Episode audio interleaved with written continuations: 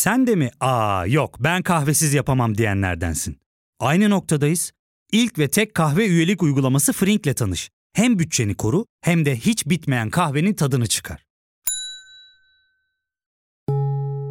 Yakınlarından terapinin onlara ne kadar iyi geldiğini dinlesen de kendin için bir şeylere başlamak zor geliyor olabilir. Ya da sevdiklerine yardım etmeye istekliyken kendi ihtiyaçlarını görebilmek.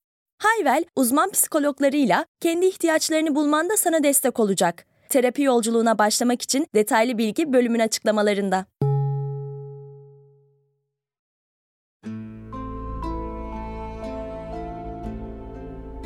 Bir insanın suçlu olduğunu nasıl anlayabiliriz? Adil yargılama sonucunda suçlu bulunursa değil mi? Peki bir hata yapılırsa? Adaletin terazisi şaşarsa? Yapılan hata sıradan masum bir insanı katile dönüştürürse? Ben Sezgi Aksu. Burası Karanlık Dosyalar. Size bu bölümde belgesellere konu olmuş Stephen Avery davasını seçtim. Ne dersiniz? Hazırsanız başlayalım mı?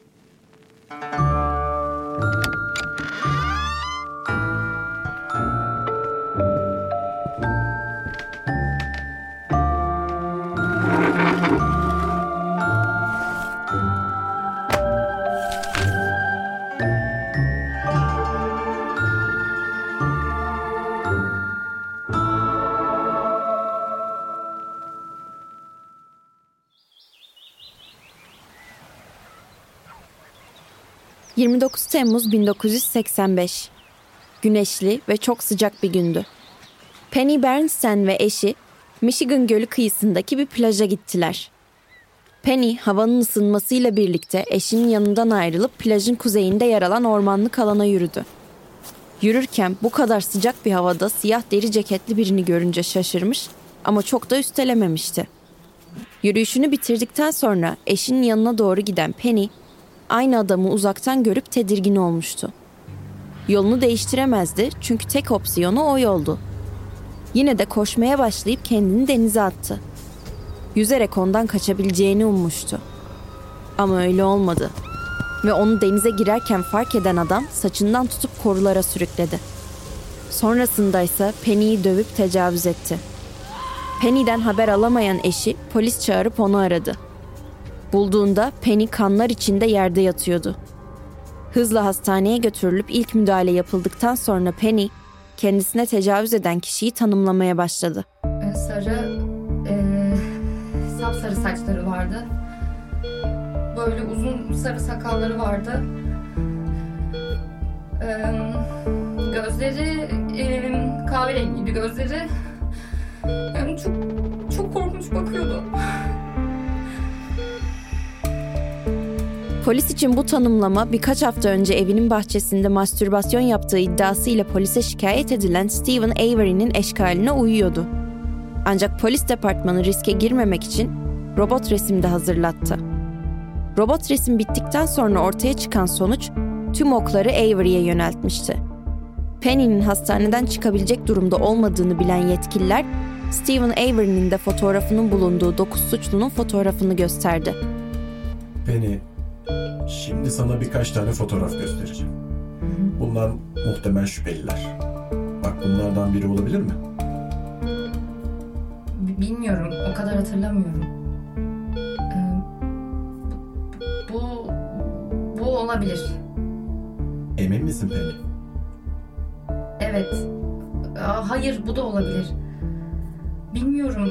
Aa, galiba buydu. E, evet çok benziyor. Evet evet bu.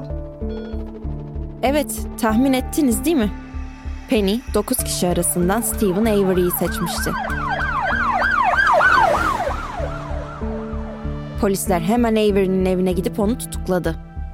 Stephen olay saatinde işte olduğunu hem görgü tanıkları hem de otopark fişiyle ispat etmiş olsa da aile işini yapıyor olduğu ve tanıklarının akrabası olması yüzünden kendini aklayamayıp hapse gönderildi. Ya ne oluyor amirim? Ben yemin ederim hiçbir şey yapmadım. Lan sus. Bir de yemin ediyor. Çarpılacaksın. Amirim. Yürü. Hadi yürü. Steven'ın hapse gidişinden bir gün sonra Penny'nin telefonu çaldı. Alo? Özledin mi bakalım beni? Sen kimsin? Kırılırım ama. Tanımadın mı sesimi? Dur o zaman şöyle yapalım. Aynaya git ve yüzüne bak. Suratını bu hale kimin getirdiğini hatırla bir. Ee, y- y- y- sen hapistesin. Geri zekalılar. Bu arada üstündeki mavi elbise çok güzelmiş. Daha yakından göreceğim onu. Hoşça kal. Ancak Bernstein'lerin telefonu o kişi tarafından uzun süre boyunca bir daha aranmadı. Ne Penny'yi ne de ailesini rahatsız eden biri çıkmadı. Stephen Avery ise zaten hapse atılmıştı. Yargılama sona ermiş, dava kapanmıştı. Alo. Beni özlediğini biliyorum. Ben de seni özledim biliyor musun? Yakında görüşeceğiz. Korku içinde polis merkezine giden Penny Bernstein, ona tecavüz eden kişinin telefondan tekrar aramaya başladığını söyledi. Bunun üzerine yetkililer ellerinde Stephen Avery'e fiziksel olarak çok benzeyen bir kişinin daha olduğunu fark ettiler. Bu kişinin adı Gregory Allen'dı. Allen daha önceden Wisconsin eyaletinde taciz ve tecavüze teşebbüsten hüküm giymişti. Stephen Avery haksız yere mi hapiste tutuluyordu?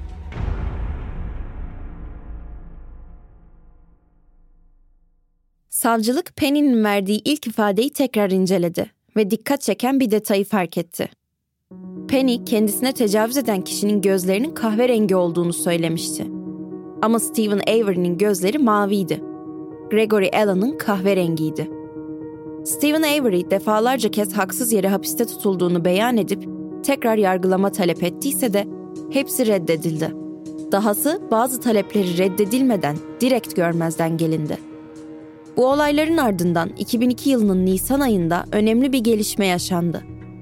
Avery'nin avukatları DNA örneği teknolojisinin yeterli donanıma sahip olduğunu söyleyerek müvekkillerinden DNA örneği alınmasını ve Penny Bernstein'e tecavüz eden kişinin DNA'sı olup olmadığının anlaşılmasını istedi.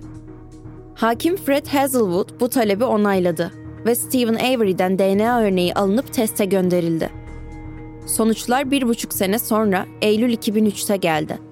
Burada ufak bir ara veriyoruz. Ardından tekrar birlikteyiz. Ya fark ettin mi? Biz en çok kahveye para harcıyoruz. Yok abi, bundan sonra günde bir. Aa, sen Frink kullanmıyor musun? Nasıl yani? Yani kahvenden kısmına gerek yok.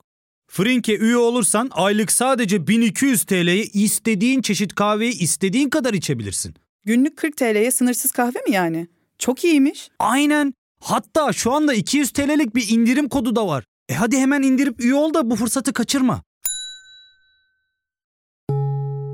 Terapiye başlamak, içinden çıkamadığın döngüleri kırmak, bazı yanlış bulduğun kararlarını değiştirmek ve kendinle beraber daha huzurlu bir yaşam inşa etmek için atabileceğin en değerli adımlardan biri. Hayvel ile yoğun yaşam tempona uyum sağlayarak online terapi seanslarını takvimine göre ayarlayabilirsin. Bini aşkın uzmandan sana en uygun terapisti seçebilir, podb10 koduyla indirimden yararlanabilirsin. Detaylı bilgi açıklamalardaki bağlantıda.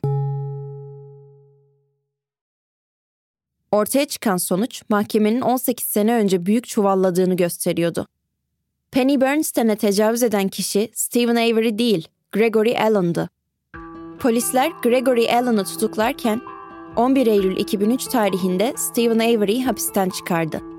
Stephen hapisten çıkarken onu kapıda bekleyen gazetecilere Bay Evri, 18 yıl boyunca boş yere hapis yattınız. Bununla ilgili neler söyleyeceksiniz? Yani yaşananlar geride kaldı arkadaşlar. Artık olmuş şeylerden bahsetmek istemiyorum. Yani özgürlüğümün tadını çıkaracağım. Ancak bu yaşadığınız haksızlık için dava açtığınız söyleniyor. Yani artık bunlardan bahsetmek istemiyorum. Böyle şeyler konuşmak istemiyorum. Bundan sonra ne Bay yapmayı düşünüyorsun? içerideki şartlar nasıldı? Bay Evri, Bay Evri birkaç soru Konuşmak sorabilir istemiyorum bunlarla ilgili. demişti.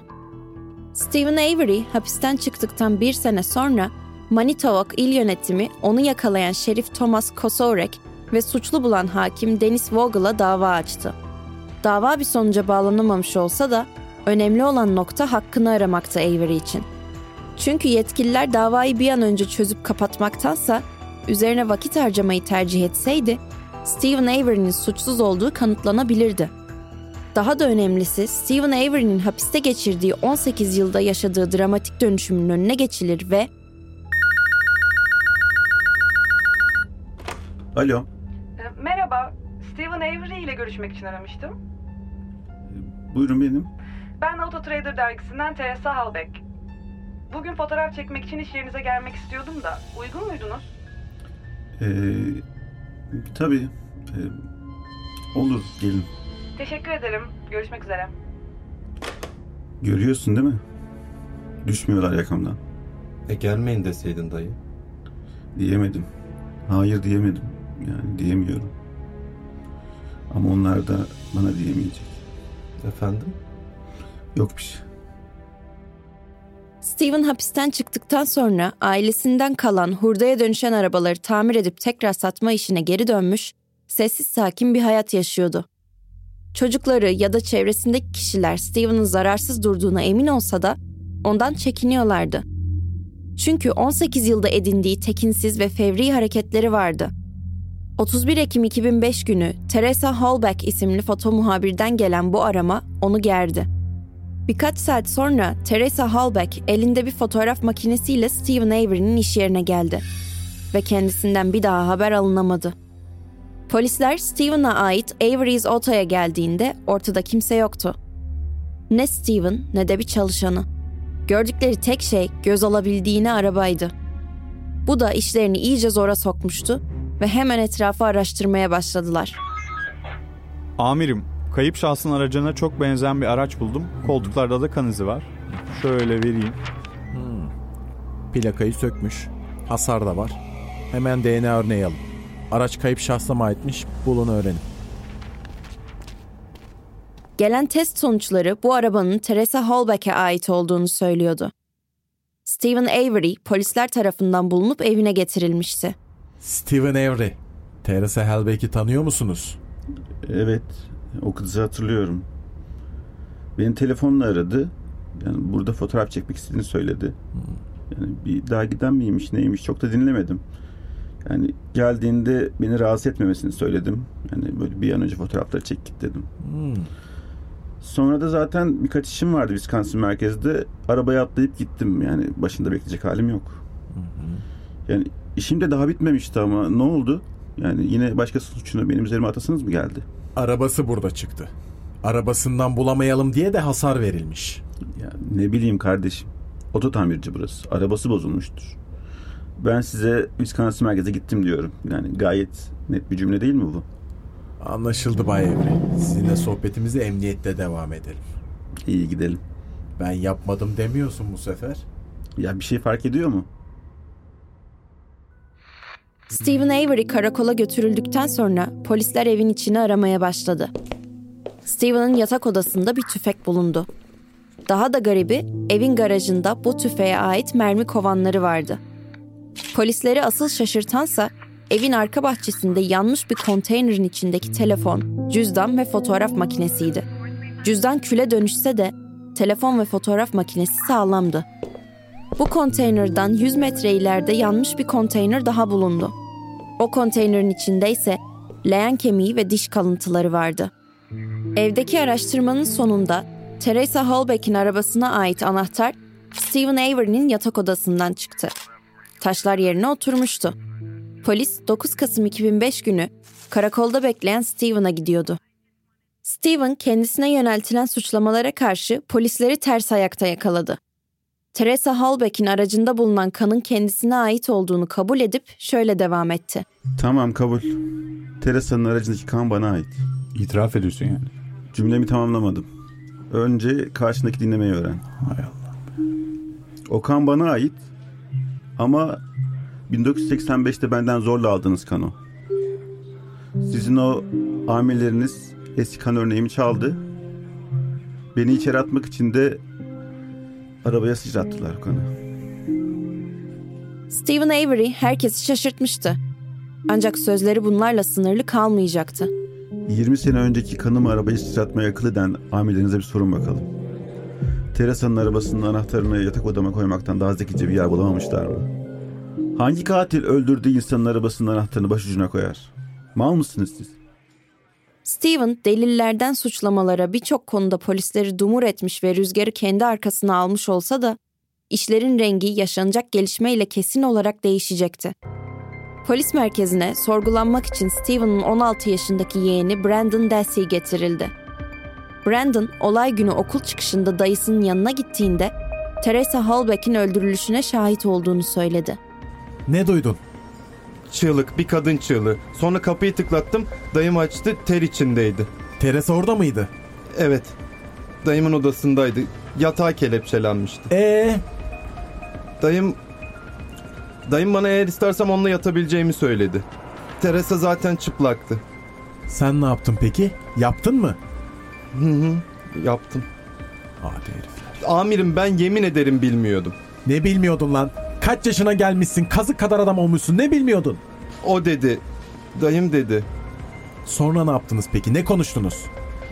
Ondan nasıl kurtulacağımızı konuştuk. Anlat. Devam et. Ne yaptınız? Dayım onu bağladı ve defalarca kez bıçakladı. Zaten nefes almıyordu ama sonra onu boğmaya başladı. Neden böyle bir şey yaptı ben bilmiyorum amirim. Yemin ederim bilmiyorum. Sonra? Sonra benden onu kesmemi istedi.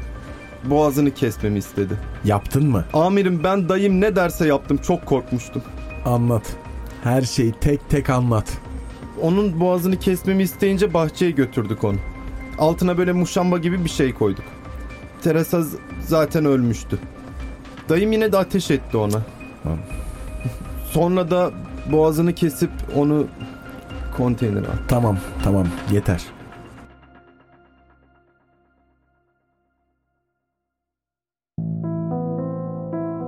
Bu gelişmelerin ardından hakim ve jüri karşısına çıkan Stephen Avery için karar alınmıştı. Stephen Avery birinci derece cinayetten suçlu bulunup ömür boyu hapis cezasına çarptırıldı. Yeğeni Brandon Dassey ise itiraflarıyla davanın akışını değiştirip adaletin sağlanmasına katkı yapsa da eylemlerinin bir sonucu vardı. Brandon en erken 2048 yılında şartlı tahliye olma hakkına sahip bir şekilde birinci derece cinayetten ömür boyu hapis cezası aldı. Adaletin terazisi bir kez, evet sadece bir kez bile yanlış tarafı gösterirse, bedelinin ne kadar ağır olduğunun en net örneği belki de Stephen Avery. İşlemediği bir suç yüzünden hayatının 18 yılını demir parmaklıklar ardında geçiren bir insan nasıl katile dönüşür sorusunun cevabını da bu davada gördük. Doğru çalışan adalet bir katili suçtan arındırabilirken, yanlış çalışan adalet normal bir insanı katile dönüştürdüğü için en azılı suçludur belki de.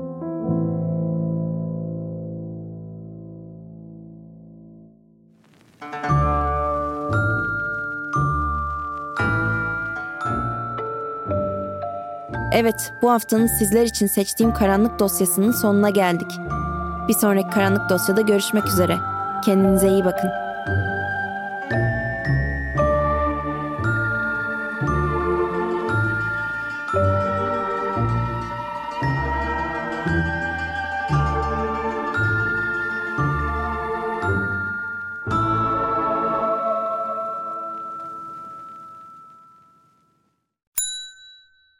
Ve tek kahve üyelik uygulaması Frink, 46 ildeki 500'den fazla noktada seni bekliyor. Açıklamadaki kodu girerek sana özel 200 TL'lik indirimden faydalanmayı unutma. Hadi sen de Frink üyeliğini başlat, kahven hiç bitmesin.